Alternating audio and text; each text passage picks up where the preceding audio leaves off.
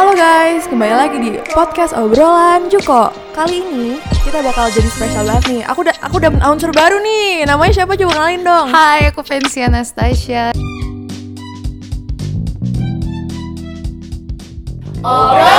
Juko.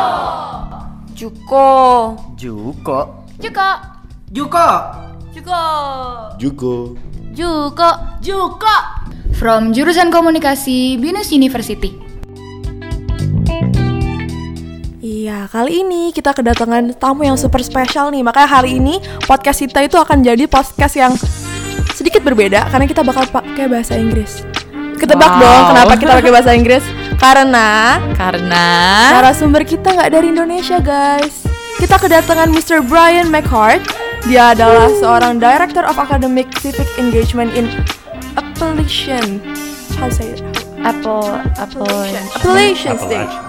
Appalachian. Appalachian. Appalachian. Okay. Appalachian. It's very hard to pronounce. It's okay. Appalachian Appala State. Appalachian. Oh, It's Appalachian, but even people in America mispronounce it. They will call it Apa- a- a- Appalachian, but it's supposed to be Appalachian. Apple Appalachian. Okay, it's Appalachian That's. University uh, State University. Struggling. So, hi, Mister. Can you introduce yourself? Uh, yeah, sure. I'm Brian McCarg, and I direct academic civic engagement at Appalachian State University. We're in Boone, North Carolina, up in the mountains. Uh, we're in the, what's known as the Appalachian region of the U.S., which has a long uh, and unique uh, cultural history uh, in the U.S. And the university was founded to serve the people of that region. Started as a teaching college to train teachers to serve the people of the mountains, and my job is to continue some of that legacy and help uh, mostly faculty, but to an extent students to engage in the local community. And so I work in an office, a dedicated office at my university called Appalachian and the Community Together, the ACT office, uh, ACT, and uh, uh, myself and my good colleagues uh, do that work with faculty and students to get them plugged into the local region. Okay, so basically you work in social, yeah. You work with community. You work with other people. So many people from around the world, or Yeah, I mean, mostly my job is there in my hometown, and it's to connect the university with the local community. Uh, and we want our students and we want our faculty to uh, both understand and serve the area where we're located. And so we feel that we have a responsibility uh, to the region where we are to see if we can improve the lives of, of people who are there.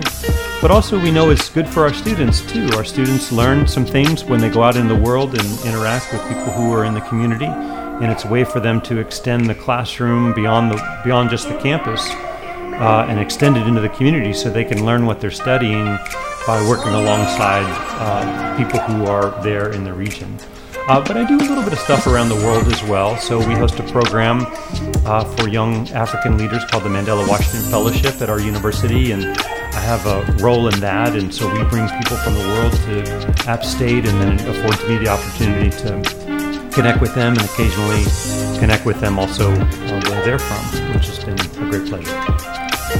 Okay. Oh yeah. Um, how do you encourage the students there to do the community service? I mean, like, uh, is it campaigning? Is it socializing? Because um, my friends, including me and her, we really want to participate in helping the community, like in giving back to community, but we don't know what channels, what platform can we take. How do people in Appalachian University uh, make uh, make way for the students? Ah, I know what to take. I know what NGOs. I know what platform to take. Sure. So there are a couple ways. The area that I work is mostly with faculty who, uh, the professors, the lecturers there at the university who require their students to get involved in the community as a part of their class. And the reason they do it is that the lecturers want to teach their students uh, the subject. And, and one thing they can do is send students to the library, but the other thing that they can do is to send students in the community. And so if they look at, at the community as just another educational resource, that's one way in which students get involved. So sometimes students have to do it because they're required by their professors to do it. But then I've got some really amazing colleagues who are working with students uh, in students' free time. That is, that the students are just motivated themselves to want to make a positive difference. And so I've got some uh, uh, colleagues who are, are full time engaged in encouraging students in those kinds of activities. And they help through some of the logistical stuff about how to, sometimes you have to work out transportation, about how you get to a site. But also, a lot of what they do is just help form community. Uh, and so one of the reasons we have an office like ours on our university campus is that it provides a community for students who are concerned about the world and who want to make a difference. Sometimes we walk around a campus and we wonder, you know, am I the only one who cares about gender equality? Am I the only buddy?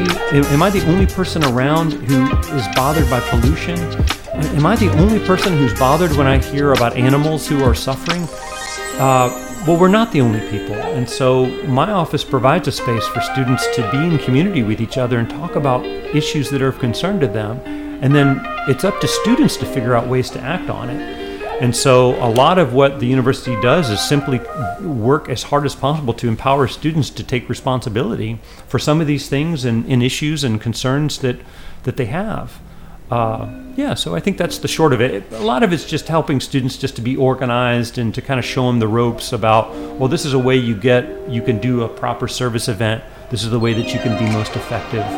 Um, this is a way that you can raise money if you need to. Uh, and so that encouragement is given to students as well. And then there's a lot of commu- communication about uh, opportunities as well, because someone needs to sort of spearhead some of that at times. Uh, and so that's all a bit of the work that is done in the ACT office at Appalachian State. That's nice. I think like in Binus, in Binus we have TFI and ISAC yeah, to support TFI. that kind of event. But I don't know in America, but don't you think in Indonesia we have this stigma that it's government it's not um, most of these problems caused by the government and only government can fix it and we cannot do nothing we're not that we adequate like stigma where we always thought that the government will fix that mm. that the government yeah. will do the things and we just going to sit here. well. And I think that's a natural response. For one thing, many government, many politicians make great promises, right? Yeah. And then we expect them to actually do what they promise that they're going to do. Uh, the other is is that we pay taxes, right? And so if uh, and this is an attitude that many people in the U.S. have as well. Is just like, well, I pay taxes. Why should I get involved with this if my tax dollars are going to solve this problem? But I do think it's important for citizens everywhere to take some level of responsibility. If we are waiting for someone else to solve the problems of the world, we will be waiting a long, long time. We'll be waiting forever. And so, if we're hoping or expecting that some politician or some expert or someone who's older or someone who's more educated or someone who's smarter or someone who's more powerful is going to come along and solve problems, again, the problems will always be with us. So, you know, we I would hope to encourage my students to say that guess what? This is this is your responsibility. You have to solve these problems. And especially for university students who have often just turned 18 and uh, have just left childhood are now adults, that's kind of bad news, right? Because when we're young, we can hope that someone older will solve our problems, but that the the un, perhaps unfortunate news is is that as adults, it's our responsibility to solve the problems of the world, and that starts, I would suggest, immediately, and in fact, should start when we're children as well. I want to ask you this: Can you uh, share your experience? You you always uh, work with community. What is the most excited community you ever work with? Hmm. Well, I think a lot of what we do is to try to listen really closely to the community. So, because I've worked in higher education for so long, it's a mistake for the university to go into any community and say, well, we know better, right? We're smart and we've got educated professors there and we, we can solve all your problems. That's a terrible mistake. So, the best thing we can always do is to listen to local communities and see what their solutions are. You know, but I've seen some amazing stuff, and I've seen students do some amazing things. We, we have in Boone, my town, um, some agencies that are. Uh, we've got this terrific agency, the Western Youth Network, that helps uh, low-income children uh, who just need a little a bit of help with their education. And there's there's uh, some children that don't come from low-income homes there as well. We've got agencies that help our most vulnerable populations in the U.S. It's pretty exciting. you know, I've been fortunate to be to see some exciting things happening around the world too. Um, one of the most profound experiences I've had was I had the opportunity to take some students many years ago to refugee camps in uh, along the border of Thailand and Myanmar and Burma. This is back in the early 2000s. Karen refugees who were had fled into to Thailand, and there were some really hardworking NGOs that are down there. And so it was an amazing experience for me and my students to see well, what does refugee uh, refugee NGOs what are they doing? And particularly, we were focused on educational NGOs in, a, in an incredibly challenging environment, um, and to see what it is that we had to learn while there. So it's been a great experience to, you know, I've taken students to some other unusual places and. Uh, I've had some students in the Ukraine once where we were uh, worked alongside an organization that was helping children who lived underground. They lived in what were these old Soviet era heating uh, systems that were all underground, and these children had come from uh, all around the country and were down living underneath the city. And this agency was down there uh, trying to uh, work with them and, and provide for them in some way. And my students got to go down into where they lived, and it was a tremendous learning experience. So it put us in a sort of place that we would otherwise not go. And that, I think, is one of the interesting things about community service is that we get, begin to work alongside and meet people who you wouldn't otherwise meet in your lifetime. You know, as you go about your daily life, but you begin to see and learn how people are struggling and what their challenges are and what their life is like. And, uh, you know, so much of that as we give to others, like I have a lot to learn myself in the midst of all that. And it's been uh, an interesting and enriching experience through all of that. Because of your work, you work with many people. So is there something that impact your life, your daily life, like impact yourself About my By sort of drive to service? by doing your job? Yeah. Uh, I mean, uh, I feel a strong sense of duty. I think there's different reasons why people give, right? And why people serve and want to be in the community with others. But I particularly feel a strong sense of duty, and some of that comes from a sense of trying to figure out what the right thing to do is all the time. Uh, there's a, ah, and the author escapes me now, but he talked about this sort of obedience to the unenforceable. That is, you know, we live our lives and we sometimes have laws that we have to follow. Like you have to obey the traffic laws, Yeah. uh, and you have to pay your taxes. And then there's things you're free to do, like you can live the life that you want to. But then there's this middle area of like the things that you you really have to do, but you don't have to do it, right? Uh, and that's a part that's really fascinating to me is like the sense of like that duty that you have to do. So when we have a world in which uh, there's gender inequality and racial inequality and, and economic inequality, like what is our responsibility? What are the things that we have to do? And that drives a bit of, of much of I think what I do. If that answers your question. Yeah, I want to ask about something. You you just mentioned about racial issues, right? Uh, we have like America, we have this ongoing, a long history of racial issues, and we are prohibited from discussing it. Like jangan nyinggung sara, right? Uh, jangan nyinggung sara means you shouldn't mention anything that will offend anything. Yeah, but if we want to finish this issue to tackle the problem like the deep rooted problem we have to discuss right but we are we are we cannot discuss about it so how do you think if we want to solve this racial issue how do you even f- tackle this without even Yeah, I, you know, I mean, I would suggest that there's no easy answer, and America is still working through this issue. I mean, I I am the wrong one to answer that question just because we've struggled for for centuries, dec- or decades, and centuries in the U.S. around this issue, and it's been our, probably our greatest challenge throughout our history.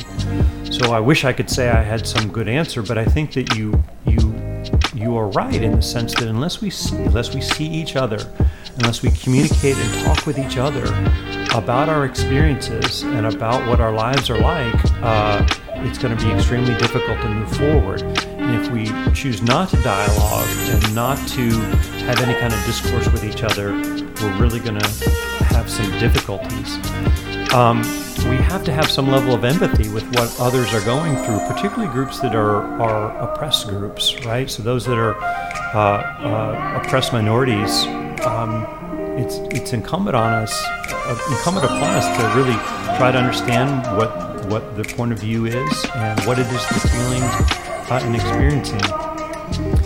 Uh, I, I, teach a class on my campus actually on, on discourse and about how we talk with one another. And I think one of the keys that has been helpful for me as an instructor in this is to actually use works of literature, use poems and short stories, because that helps my students to talk more comfortably about these very uncomfortable issues. Because if I bring out a newspaper article about something that happens, we almost always have immediate opinions about that. Uh, if you ask about some political point of view, we have an immediate opinion about that. If you ask someone in America about their opinion of President Donald Trump, they've got an opinion about him. Uh, but instead, when you use stories, it's a little different. And so maybe you'll have a story about a young African American girl who's going with her friends, and she she uh, so there's a story we read, and she goes and, and goes to this toy store in which these toys are very expensive, and she comes from a low income home, and she realizes for the first time, how can people waste their money on these frivolous toys when you know when I'm when my family is suffering? Well, for my students uh, it's really good for them to talk about that individual of that story. Uh, and it just makes it a little bit easier, right? Because then it's not something in the news, but rather it's just a, a, a, fictitious character. It just makes that dialogue a little easier. So maybe there's some literature in Indonesia, some poems or short stories that helps tell the point of view of, of various racial groups that are here, and we can help to understand folks who are different from us in that way. But also because they're stories, they're not real people, and we don't worry about offending them, right? We can right. say, well, that person's wrong or that person's right, and it's okay. We can be a little bit more honest. That's just something that's, I think, helped a little bit in some of the discussions we've had on our campus. But it's it's really hard, right? And again, Americans, we have no easy answer on this because we labor with this ourselves. Yeah, but okay, I want to ask about you have this gender equality, maybe traffic, so many issues, right? In America too, in Apple, Appalachian. But what do you think really close to your heart? What issues that close to your heart, and how do, can you tell us how do you try to resolve these? Sure. Um, well, I'm very interested personally uh, in the environment and the protection of the environment. I mean, there's a great extent to which if we don't get a handle on climate change, many other issues that exist in the world uh, are going to be affected as a result of that. And then my wife and I, we are very interested in, in animal rights and animal welfare. Uh, and we've kind of practiced that in our own life. We've worked to rescue some animals that we thought would otherwise have suffered. And we've thought for a long time that um, animals, while they might not be equal to us in intellect and, intellect in other areas, they can certainly suffer and feel pain. And so my wife and I have committed ourselves to volunteering around that issue and and and, um, and rescuing animals ourselves, and also talking with others about this issue to hopefully widen people's circle of concern beyond just human beings, but also to think about other other creatures that are out there in the world because it's an issue that's just important to us personally. Mm, okay. So we talk about so many issues here, mm. right? Uh, you already giving uh, so many lecture and you already visit so many nations. So what is the most common issues there is in the, in the world? jeez. I mean, you know, obviously, uh, economic inequality exists, uh, not just across the world, but even within individual countries as well, right? And we see the impacts of that. And and poverty in in Indonesia and poverty in um, Sierra Leone and poverty in the U.S. has some commonalities in the sense that um, it is possible that the poorest person in the wealthiest country is better off than the, than, the poor person in a, in a low-income country but in in all cases, people who are poor don't have the freedom of choice, right? Uh, poverty is an absence of choices. Uh, someone once said, and so I think that's a commonality, right? To what extent, uh, because of economic uh, inequality, are people unable to live free lives and, and, and live the lives of fulfillment and and um, that they would like to and flourishing that they want to? You know, closely tied to that in the U.S. are issues of, of, of, racism, and I think that exists clearly around. We're not the only country that struggles with that as well, racial inequality. but you know, economic inequality is such a huge one, uh, and it certainly is a is a prevalent one in the U.S. too. There's such uh, there is great economic inequality in the U.S. and certainly elsewhere in the world. Okay, uh, I want to add something. Like uh, at class, you you just told us about how in the U.S. the culture is to if you want to resolve an issue, it start from yourself, from yourself to your family, from your family and to your neighbors. But here we start from above, from government. We we blame it on the government first if the government can do it, and so on and so on.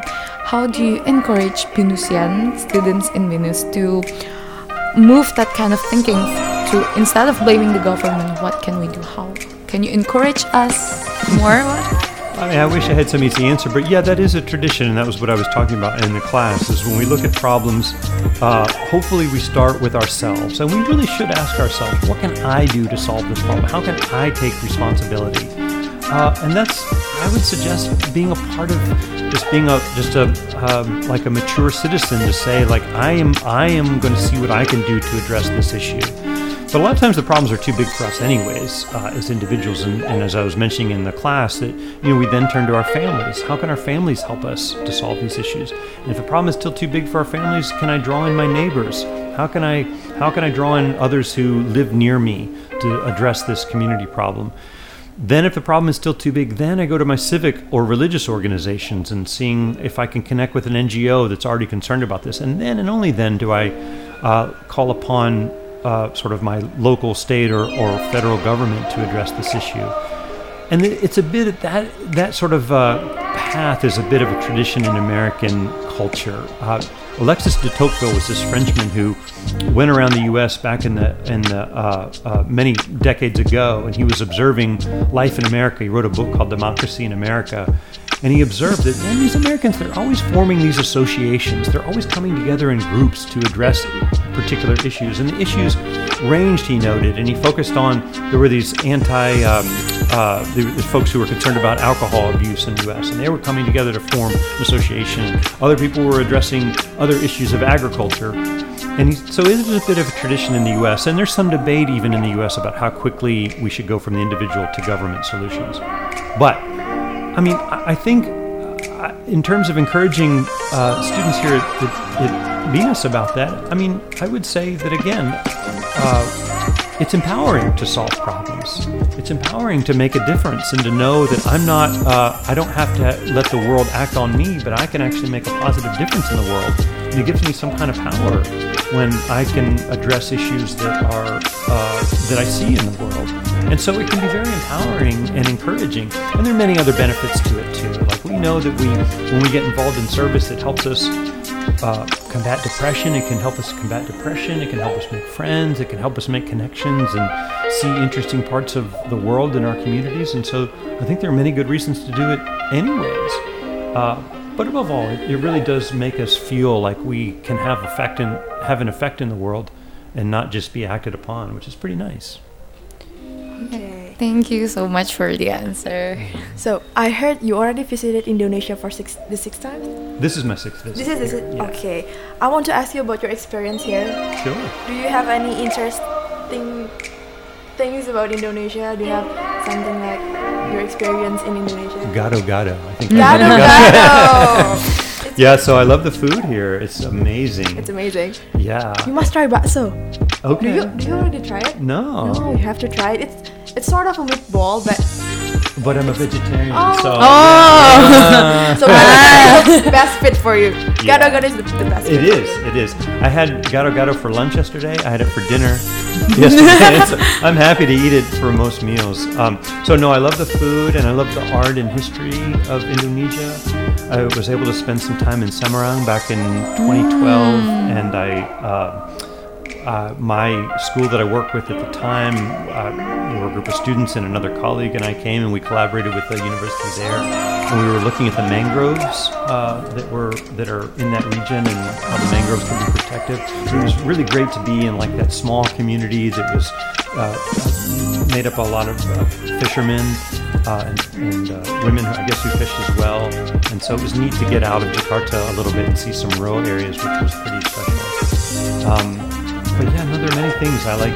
I like uh, I like the, the arts of the country, and the people are of course really friendly too. And so it's been great to come back each time. Yeah. That's nice. But also, and I would say one thing, one of the main reasons I'm here is to study this system of KKN. And so I'm really impressed with the Indonesian system of service uh, in the public universities and how important it is to, to give back to the communities as part of one's education. I think not many in the US know about it. And so I'm excited to learn as much as I can while I'm here and hopefully share it with people back home. Okay. Talking about giving back to community, everyone has their own definition about giving back to community. What's their meaning? What do you mean? Uh, can you define what do you mean by giving back to community? Like um, your personal definition about giving back. Yeah, I mean, I think it's just making a contribution where you can, and I think everyone can make a contribution, right? Children can make contributions in some small way. And I think a lot of that is, but the other important part of your question is figuring out what your community is. Um, so community means the different things. In part, it means your family. It could mean your school. Uh, it could mean your workplace. It could mean your neighborhood or your city, your country, or the or the globe. And so, uh, I I think it's important to think also about giving back. In what way can I make my school better? And that's a good place to start. Uh, in what way can I make my family unit even better? And again, that's a good place to start. I can, in what way am I going to leave this place better than how I found it? One of the things I tell my students at Appalachian is, you know, when you graduate, on the day you graduate and you leave this campus for the last time, it's a good day, it's a happy day, it's a special day. You should feel proud of yourself because you've accomplished something important. But also, I tell my students, I hope you can look back and and the school will know that you were here, that you made some kind of mark, that you made some kind of difference uh, and that the town of Boone, where we live, will know that you're there. And so, hopefully, I tell my students, you can look back and say, you know, I started that club at my school that uh, helped people who were, uh, you know, LGBT, or I did some uh, work to help uh, some students in some other way who needed help, or I worked in my community to do something important. And I can say when I leave that, like, it knew, the town knew that I was there. I don't want to be just like a ghost that comes in and sort of comes in and goes out and has my degree in hand and that's it. So, yeah, I think that's part of it too. Oke, setelah kita dengar Mr. Brian McHart udah ngomong banyak nih kita jadi tahu ya tentang community, terus kita juga tahu tentang social apa yang terjadi di dunia. Kita tahu banyak hal jadinya.